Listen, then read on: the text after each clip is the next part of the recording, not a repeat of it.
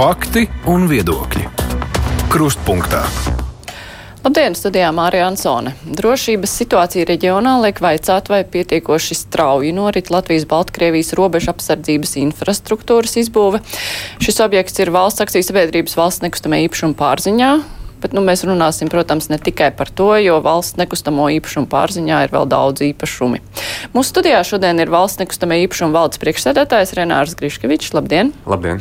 Kolēģis žurnālists Ulda Sāboliņš no 360 TV ziņnešu programmas. Tā es pareizi pateicu. Jā, sveicināti, ētā, ētā atgriežamies 28. augustā 360 TV. Jā, un Mārs Čirsons no žurnāla dienas biznesa, kā parasti. Labdien! Sveiks, Māri!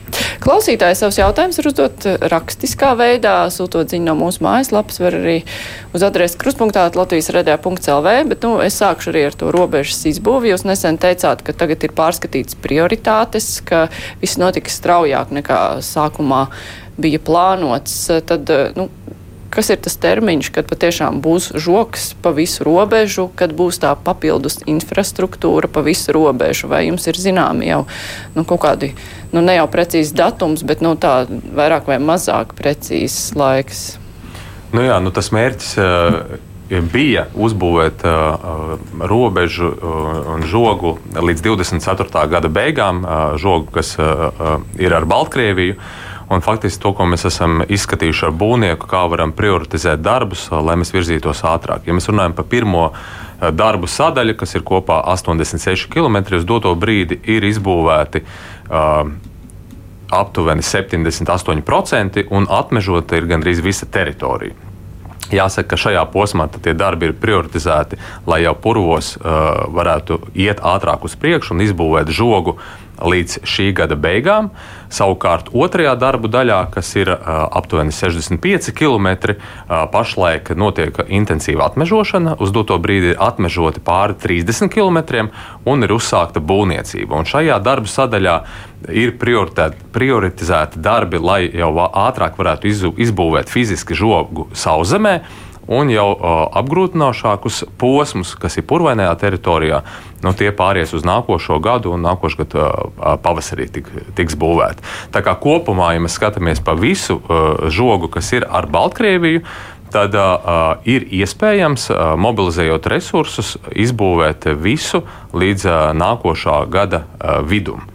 Jāsaka, ka bieži vien tiek salīdzināts būvniecības temps ar, ar lietuviešiem, mūsu kaimiņiem.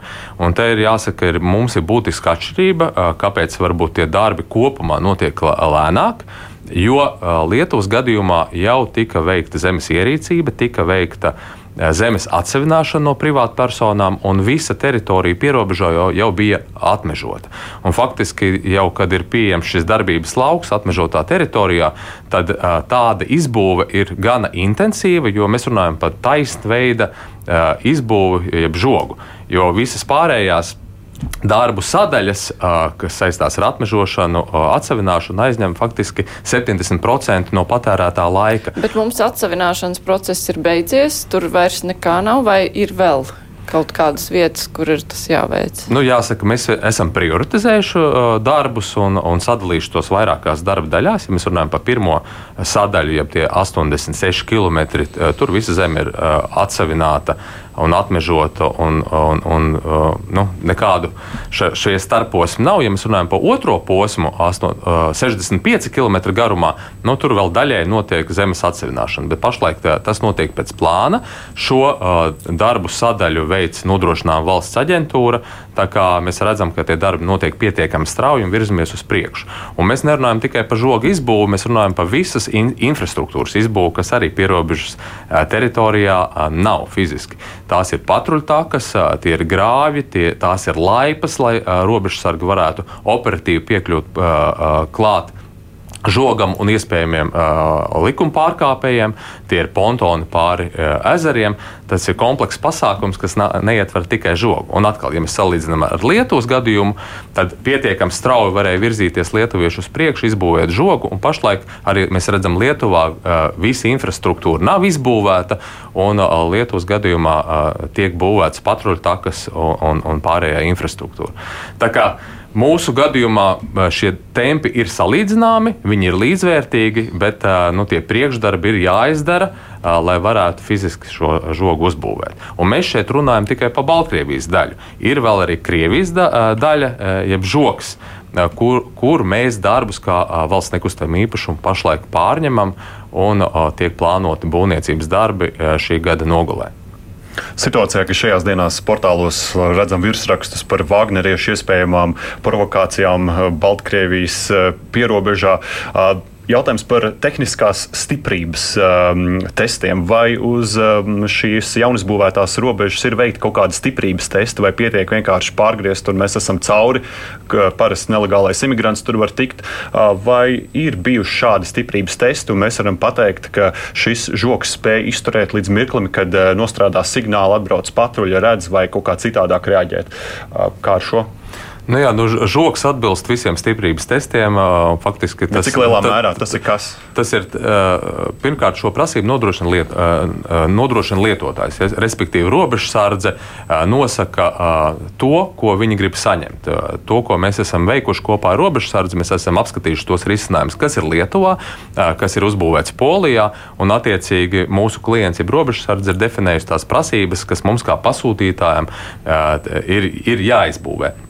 Ja mēs paskatāmies uh, pašu žogu, žoga struktūru, tā ir līdzvērtīga un salīdzināma ar Lietuvas variantu. Es pat teiktu, noteiktos aspektos pat drošāka, stiprāka un, un labāka.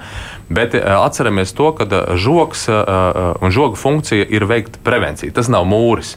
Respektīvi, ja ir potenciāli likuma pārkāpējs, tad žoga funkcija ir, ir to aizturēt, un žoks spēj funkcionēt tikai ar gudrājiem, gudrajām iekārtām. Tās ir kameras. Ja kameras... tehniskā iejaukšanās, vienkārši kaut kāds tehnisks, tehniska, tehnisks uh, transporta līdzeklis brauks cauri, viņš izbrauks cauri 10-15 sekundēs. Nu, jāsaka, pār 20% no teritorijas ir purva, purva teritorijas, kur fiziski nevarēs izbraukt cauri.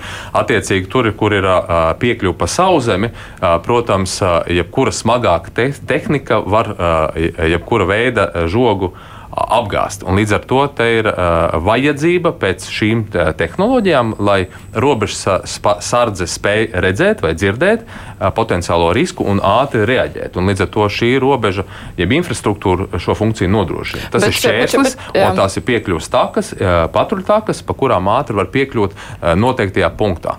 Bet šo tehnoloģiju uzstādīšana notiek vienlaikus uzliek žogu, tehnoloģijas, žoks, tehnoloģijas. Tas notiek paralēli, vai tur būs ar kaut kādu nobīdi, ka kaut kādu brīdi būs tikai žoks? Jāsaka, šeit ir uh, nobīde, jo mēs būvējam uh, žogu un infrastruktūru, un paralēli uh, tehnoloģijas jautājums, tās ir kameras, sensori un vispārējais. Šie darbi ir uzticēti Latvijas radiotelevīzijas centram.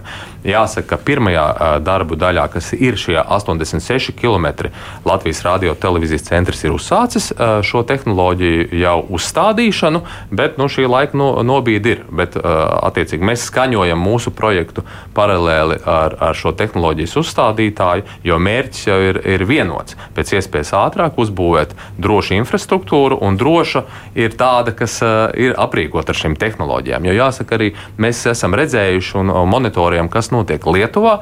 Un uh, Lietuvas gadījumā Nu, bieži vien ir fiksēti šie likuma pārkāpēji, eh, robežu šķērsotāji, kas ar, ar dažādiem uh, piedarumiem, ar zāģiem uh, bojā šo žogu, vai arī mēģina tam pārkāpt. Līdz ar to tā tehnoloģija ir ļoti nepieciešama, lai būtu pilna funkcionalitāte. Es varētu tikai retoriski jautājumu, cik gadi ir pagājuši kopš Latvijas-Baltkrievijas robežu līguma un Krievijas-Latvijas robežu līguma noslēgšanas, un mums joprojām nav valsts drošībai svarīgas infrastruktūras. Es atvainojos, tas nebūs jautājums jums, bet laikam politiskiem spēkiem, kas bijuši šos daudzus desmit gadus pie varas. Nu jā, bet uh, jūs pie, pieminējāt nonsens. arī to Krievijas sadaļu. Mēs uh, Baltkrievijai pievēršam lielāku uzmanību, jo no Baltkrievijas tika virzīti cilvēki lielā skaitā, un tagad ir Vāgneriešu drauds, bet eh, nu, kāda cauruma ir joprojām eh, uz Krievijas robežas, ar ko tagad ir jāstrādā? Jūs minējāt, līdz gada beigām ar to strādāsiet. Tur tad viss tiks aizpildīts. Nu, es, ne, es neteiktu, ka caur, caurumi eh, Krievijas žoks tā ir atsevišķa tēma. Faktiski šis projekts tika uzticēts valsts nekustamajiem īpašumiem nesen, respektīvi pašlaik mēs pārņemam tos darbus, kas tika izbūvēti vai kas tika plānoti no nodrošinājuma valsts aģentūras. Un cik daudz tad ir? Ja mēs runājam par kopējo apjomu, tad tie ir pāri 200 km žoks, kas ir nepieciešams starp Latviju un Krieviju. Izbūvēti ir 50 km aptuveni, bet šie 50 km arī no būvnieka nav pieņemti lietošanā. Aptuveni 180 km nu, tā ir tā teritorija, kur žoks nav uzbūvēts un kur būs jābūvē. Līdz ar to šo projektu mēs sadalām vairākos posmos, respektīvi, pirmais posms. Mēs, kā attīstītājs, veiksim auditu faktiskajiem darbiem, un tas jau ir pasūtīts. Otra lieta, mēs pieņemsim uh, un defektēsim uh, esošo izbūvēto žogu, uh, kas ir 50 km garumā, jo jāsaka, arī šeit ir dabiskais nolietojums pa šo laiku bijis, jo žoks ir uzbūvēts, vairākus gadus nav, nav lietots, ir apaugumi un vispārējais. Un, un, protams, neizbūvētais žoks. Te ir jauns iepirkums, par ko mēs arī gatavojam pašlaik tehnisko specifikāciju, lai jau ar pirmo darba daļu varētu augusta beigās sludināt iepirkumu un plānot būvniecību. Vien eh, radio klausītājs vai arī skatītājs urda viens jautājums eh, no viena cipara, ko jūs nosaucāt sarunas sākumā - atmežošana 30 km garumā. Jautājums, kur nonāk šī nauda pēc tam, kad šī atmežotā koksne tiek realizēta? Vai tas tiek ieguldīts pēc tam žogu būvniecībā, kurš to naudu saņem, kurš ir labumu guvējs? Un kurš tirgo tos kokus? Nu jā, jāsaka, ka šis projekts ir vairākām iesaistītajām pusēm. Valsts nekustamo īpašumu atbildībā ir infrastruktūras plānošana un būvniecība būvniecība, tas, kas saistās ar zemes mērniecību, ierīcību, atsevināšanu un atmežošanu, no šo darbu sadaļu vēl veids nodrošinām valsts aģentūra. Respektīvi, viņi ir tie, kas plāno, nodrošina un nodod mums tālāk, lai mēs varētu būvēt. Kaut kādu naudu jūs tur redzat atpakaļ atnākot? Nu, faktiski šīs izmaksu pozīcija šiem darbiem, kas tika minēti, un arī, ja tur ir iespējami ieņēmumi, ir nodrošināta valsts aģentūras kabatā, un, un faktiski mēs arī neredzam un arī nekontrolējam šo darbu sadaļu. Bet es jau gribēju precizēt par to Krievijas daļu. Jūs minējāt, ka audits tagad tiks veikts, tad tikai pēc audita būs zināms, cik gadus tur tā robeža nebūs kārtībā. Nē, nu, faktiski mums jāapzinās situācija, kāda tur ir, ir, ir dabā. Jo tos kilometrus, ir... ko jūs nosaucāt, ir ļoti lieli kilometri. Tie ir uh, ga, gana lieli, daudz apjomīgs darbs, uh, bet, uh, lai mēs varētu iepirkt uh, korektu apjomu, uh, mums jāveic faktiskās situācijas. Uh, apskate un audits dabā.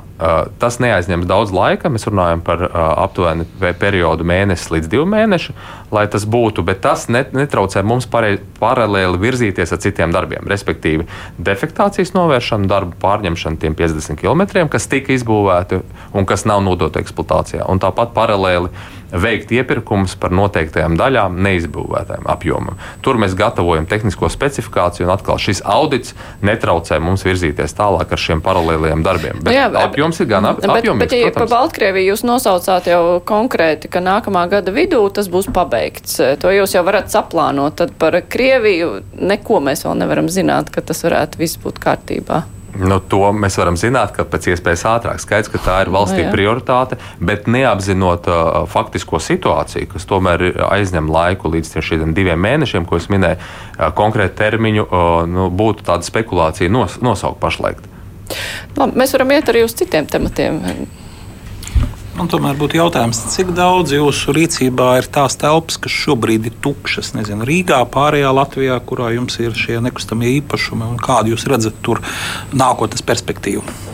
Nu jā, nu faktiski valsts nekustamo īpašumu ir specifisks nekustamo īpašumu pārvaldītājs, kas nodrošina ar telpām publisko pārvaldi atbilstoši klientu vajadzībām un vēlmēm.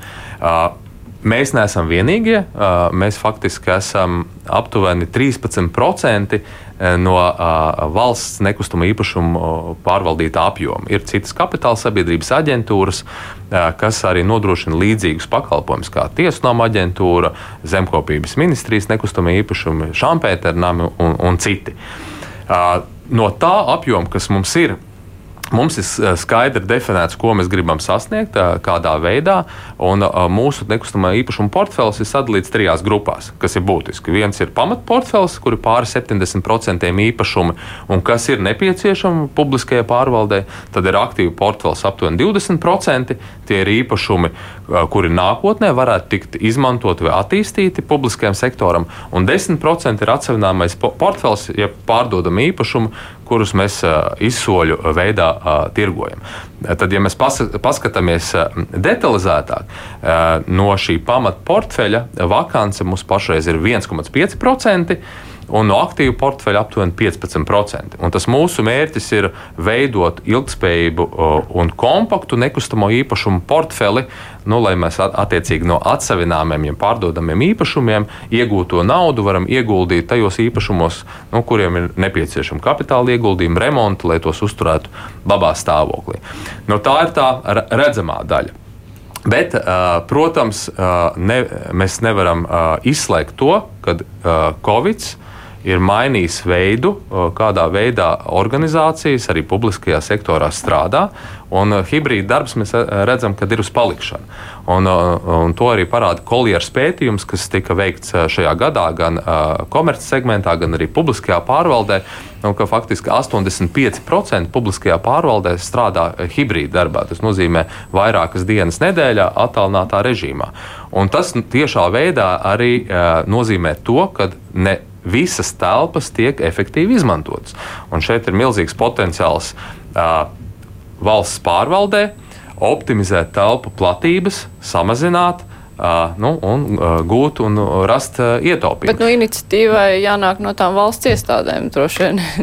Nu, tur ir jābūt gan, gan. Protams, te, te ir priekšlikumi no mūsu puses, kādā veidā ir iespējams kaut ko optimizēt. Vienu soli mēs esam arī gājuši uz priekšu. Mēs esam pagājušajā gadā izstrādājuši uh, publiskajam sektoram biroja izveidas vadlīnijas, kas nosaka, kādā veidā pielāgot vai attīstīt jaunas telpas, nosakot drošības, uh, telpu platības, uh, IT infrastruktūru. Uh, un, un tā tālāk. Un tas ir faktiski dokuments, kur jebkurš klients, ieskatoties, var paņemt to, kas tam ir nepieciešams. Un, un, un ja mēs paskatāmies arī no tādiem darba, darba principiem, mēs kā valsts nekustamā īpašuma pāris gadus atpakaļ optimizējamies paši no trīs adresēm vienā, un ar šo mēs spējām ietaupīt būtiski resursus, faktiski piecos gados, vienu miljonu eiro. Uz ko? Lielākais ietaupījums bija, kad eh, mēs izveidojām jaunu konceptu, aktivitātēs bāzētu biroju, kur nevienam nav kabineti, eh, telpu eh, platības tika samazinātas, respektīvi palielināta liederīgā telpu platība. Un uz desmit darbiniekiem tika fiksētas septiņas darba vietas, respektīvi 70% no, no, no simts. Ko tas nozīmē? Kad nu, kāds var pateikt, kas notiks, ja visi atnāks uz darbu un nevienam nebūs, visiem nebūs kur strādāt? Tad tā gan pasaules eh, pētījumi, gan mūsu pašu prakse un pierādījumi parāda to, ka eh, tādas situācijas nav. Eh, darbinieki atrodas atvaļinājumos, uz slimības lapas, brauc pie klientiem, ir būvlaukumos. Un nekad ne, nav tāda situācija, ka kāds atnāk uz darbu un, paliek bez darba vietas. Bet tas ir normālā tirgus situācijā, un tas mūsu piemērā bija pirms Covid. Bet ar hibrīdu darbu, attālināto darbu, mēs redzam, ka faktiskā izmantošana ir krietni zemāka un līdz ar to tā iespēja optimizēties, un uz to arī potenciāli lielākais ietaupījums ir milzīgs. Turpinot to jautājumu par valsts nekustamo īpašumu esošo, rīcībā esošo portfeli, cik lielā mērā starp to ir arī dzīvojamais fonds un cik lielā mērā jūs varētu iesaistīties ar mājokļu problēmas risināšanu reģionos, jo ekonomikas ministrija mēnešiem ilgi tur meklē dažādas risinājumus ar kreditēšanu, vēl tur kaut kas, vēl tur kaut kas atbalsta programmas īres mājokļu celtniecībai, bet cik lielā mērā jūs varat ielikt savu priekšlikumu, hei, mums ir dzīvojamais fonds, atliek tikai viņu remontēt. Cik lielā mērā jūs varētu palīdzēt risināt mājokļa pieejamības problēmu reģionos? Nu, jāsaka, šeit ir stāsts par mūsu nekustamā īpašuma portfeļu specifiku. Mums ir pārsvarā objekti, kas ir birojēkas, kas ir komercplatības un dažādas kultūras ēkas, kas ir muzeji vai teātri. Līdz ar to šī portfeļa ēkas dzīvojamai platībai nav piemērota. Ir daži izņēmumu gadījumi. Mums ir divas mājas, kas vēsturiski tika izmantotas kā studentu kopnītes, mm. atrodas reģionos. Bet tā nav kā tendence, kur jūs varētu kā risinājumu. Okay, Jā, šie izņēmuma mm. gadījumi ir pielāgojami, mm. tie ir piedāvāti, bet pašlaik nu, tur tā interese nav, jo tas atrodas ērgļos un vienā citā reģionā. Bet tāda iespēja pastāv. Vienlaikus jautājums, vai šobrīd ir skaidrs, cik daudz valsts pārvaldes vai pašvaldības iestādes izmanto īrētās telpas no privātajiem, un te pašā laikā jūsu tie īpašuma vai ēkas stāv tukšas, vai ir šādi dati, un kurā vietā tas ir Rīga, nezinu, ārpus Rīgas reģionos? Es teiktu, ka tie dati ir selektīvi, tādas vienotas uh, sistēmas, uh, kur apkopot visu informāciju, kur uh, kāds no publiskā sektora izmanto privāto. Tāda nav.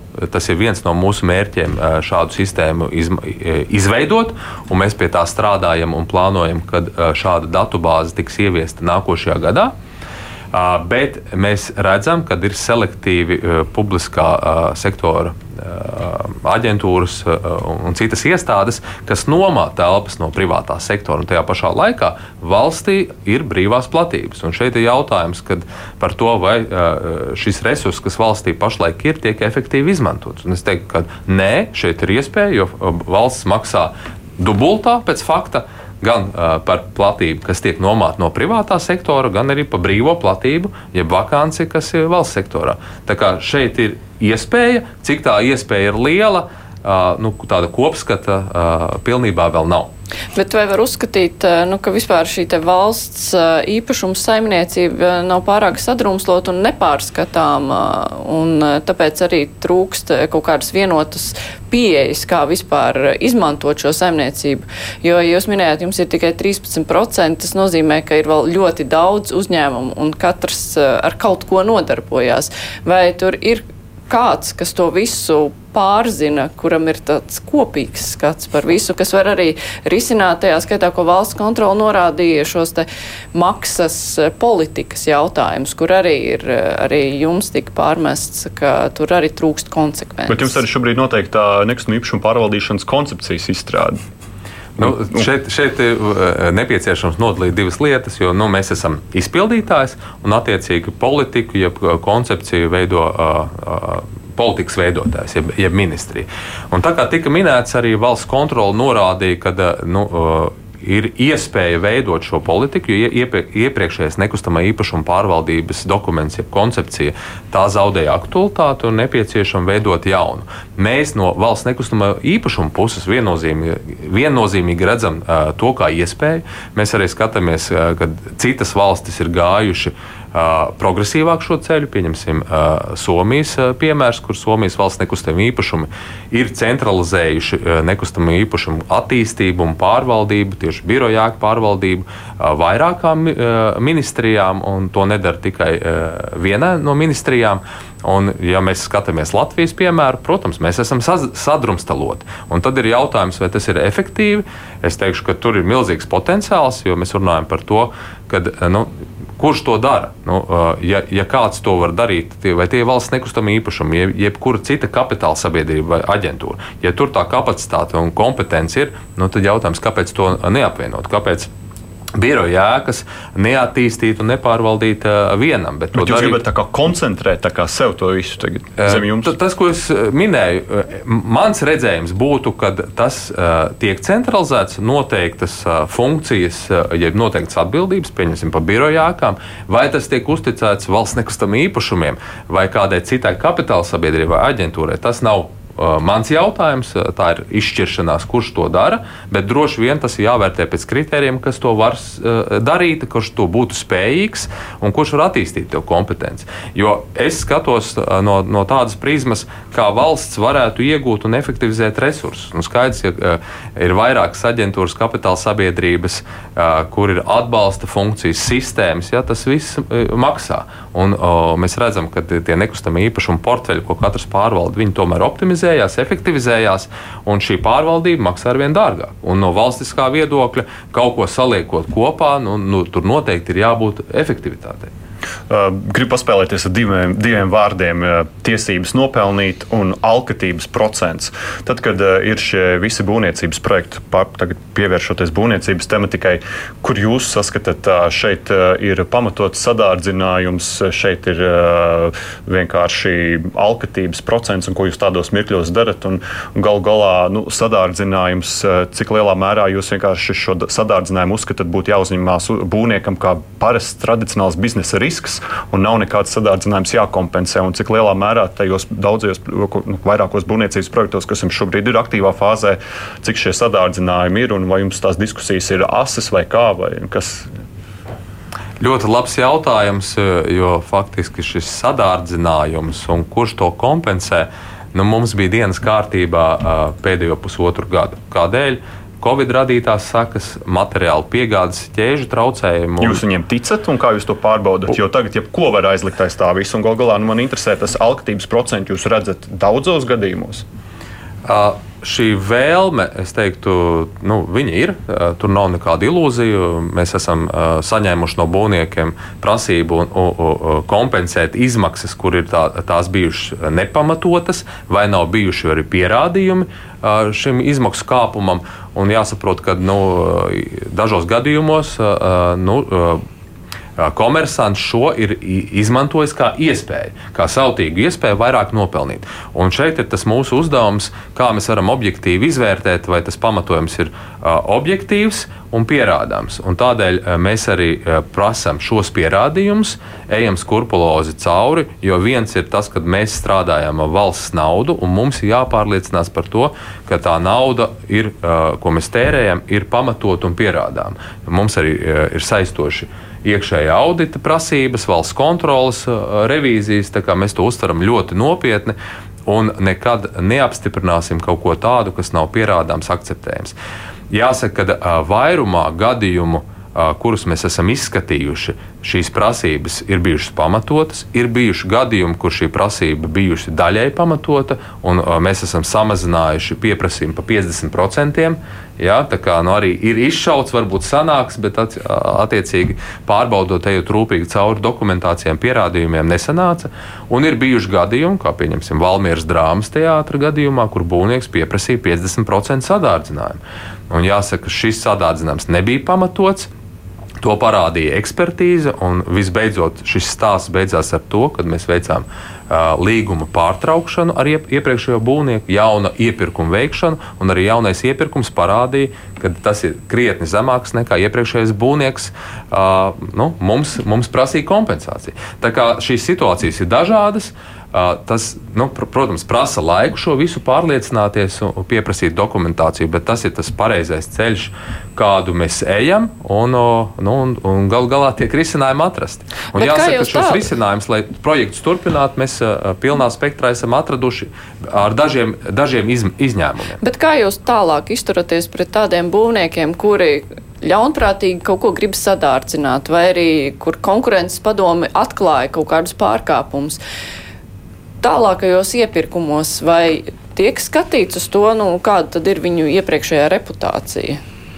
Nu, jāsaka, ka ir, eh, ir vairākas izmaiņas arī veiktas. Eh, iepirkuma uzraudzības birojas pagājušajā gadā ir veicis izmaiņas iepirkuma likumā, kas eh, pastiprina un dod iespējas pasūtītājiem vērtēt būvnieku vērtēt būvnieka iepriekšējos profesionālās darbības pārkāpumus. Piemēram, ja būvniekam ir bijuši būtiski darba drošības pārkāpumi vai kādi citi, tas var būt izslēdzošais faktors, lai šo būvnieku neiepirkt. Bet, nu, piemēram, Jāsaka, šāds sadārdzinājums, kur jā, jā, tā ir tāda uzticības krīze patiesībā jau ir.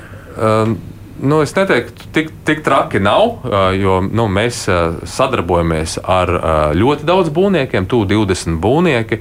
Un, nu, šī uzticība un savstarpējā sadarbība ir gana cieša un saprotama ar, ar noteiktiem izņēmumiem. Vienmēr, vienmēr ir kāds izņēmums, diem, diemžēl. Bet jāsaka, tas, kas tika minēts par reputāciju, tāda ideja, ja priekšlikums jau bija kādu laiku atpakaļ iestrādāta iepirkuma likumā, ja publiskā iepirkuma likumā kā kritērija, bet nu, nebija lēmums šo pieņemt. Respektīvi, uz doto brīdi nav tāda kritērija, ka kādam Jūs to nevarat rep... izmantot. Mēs nevaram izmantot, jo tādas iespējas nav. Ir bijuši vēl citi priekšlikumi arī no mūsu puses Kā piemēram, ja mēs esam pārtraukuši līgumu ar būvnieku, jo nav ievēroti termiņi vai starptermiņa būvniecības procesā, tad šis ir viens konkrēts priekšlikums, kādu mēs vēlētos, lai tas tiktu iestrādāts publiskā iepirkuma likumā. Jo nu, mūsu vēlme ir, lai mēs strādātu ar būvnieku, kas spēj pildīt savas saistības, gan būvēt kvalitātē, gan termiņā, gan arī plānotajā budžetā.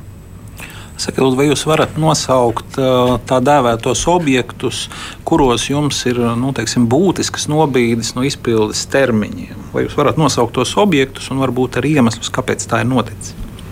Tie iemesli ir ļoti dažādi. Nu, jāsaka, ka tas iepriekšējais gads, kas satricināja būvniecības tirgu, bija ne, netipisks.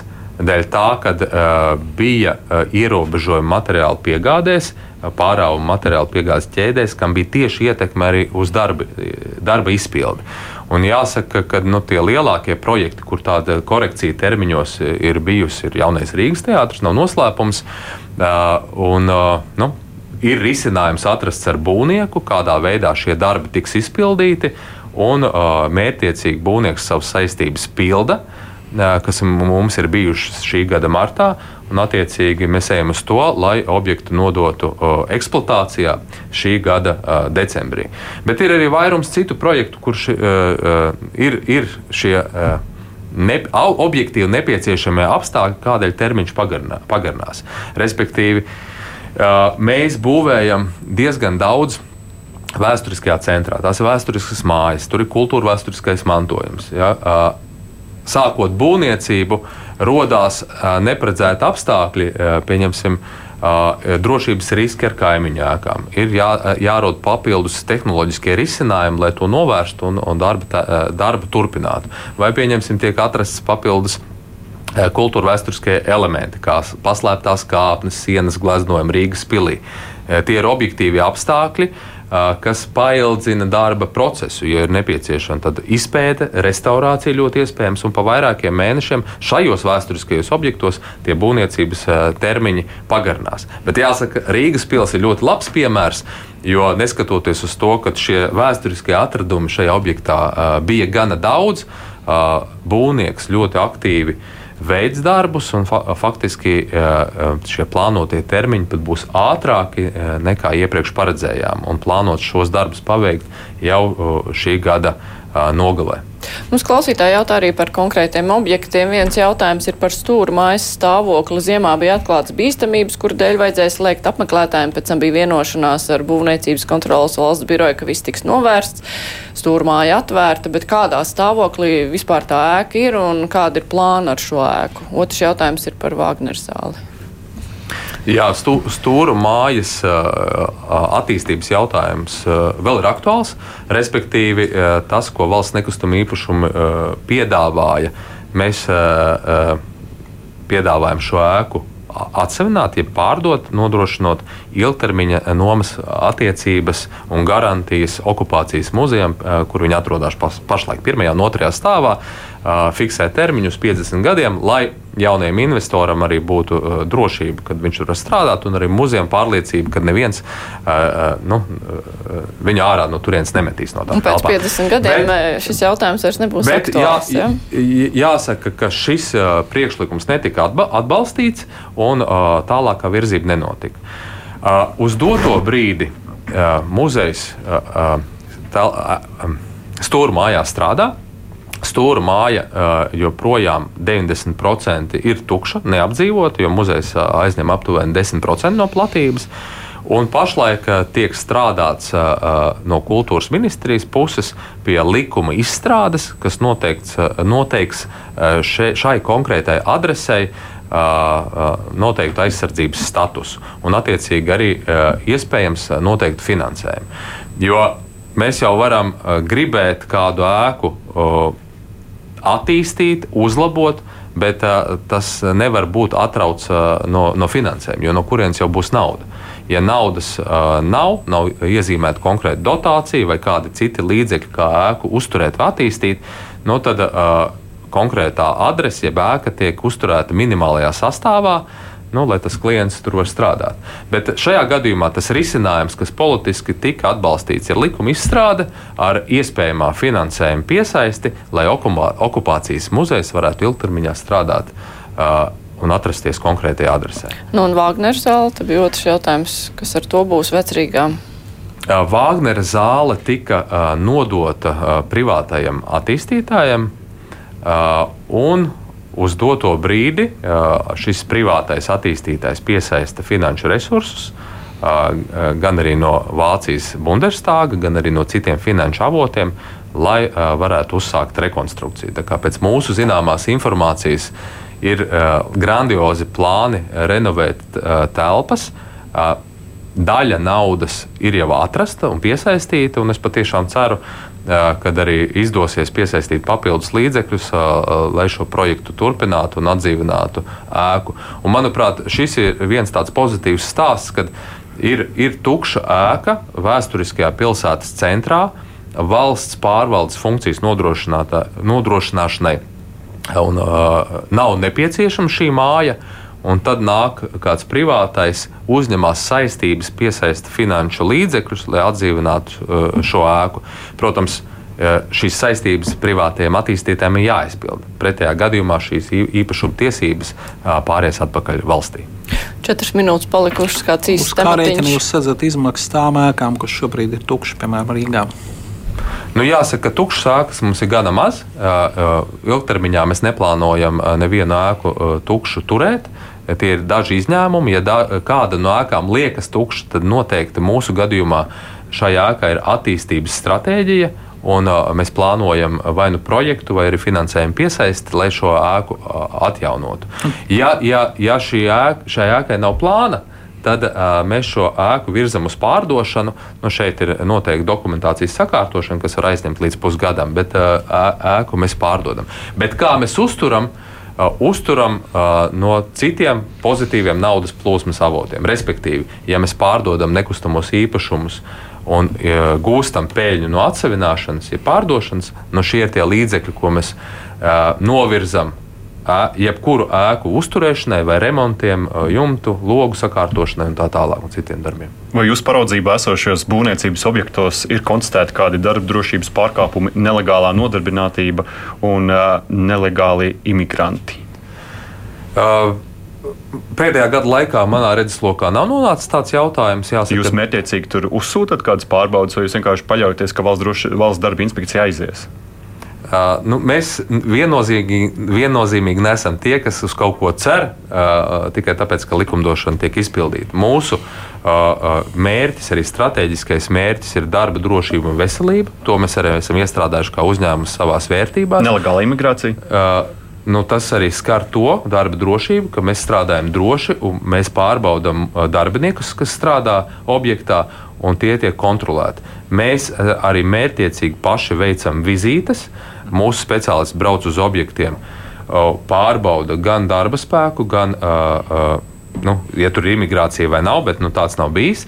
Un primāri darba drošības aspekts. Un, un mērķiecīgi ejot šos soļus uz priekšu, Mēs esam šogad certificējušies darba drošībā arī ar ISO standartu, kas parāda mūsu virzību uz nulles negadījumiem, ko mēs gribam noturēt ilgtermiņā.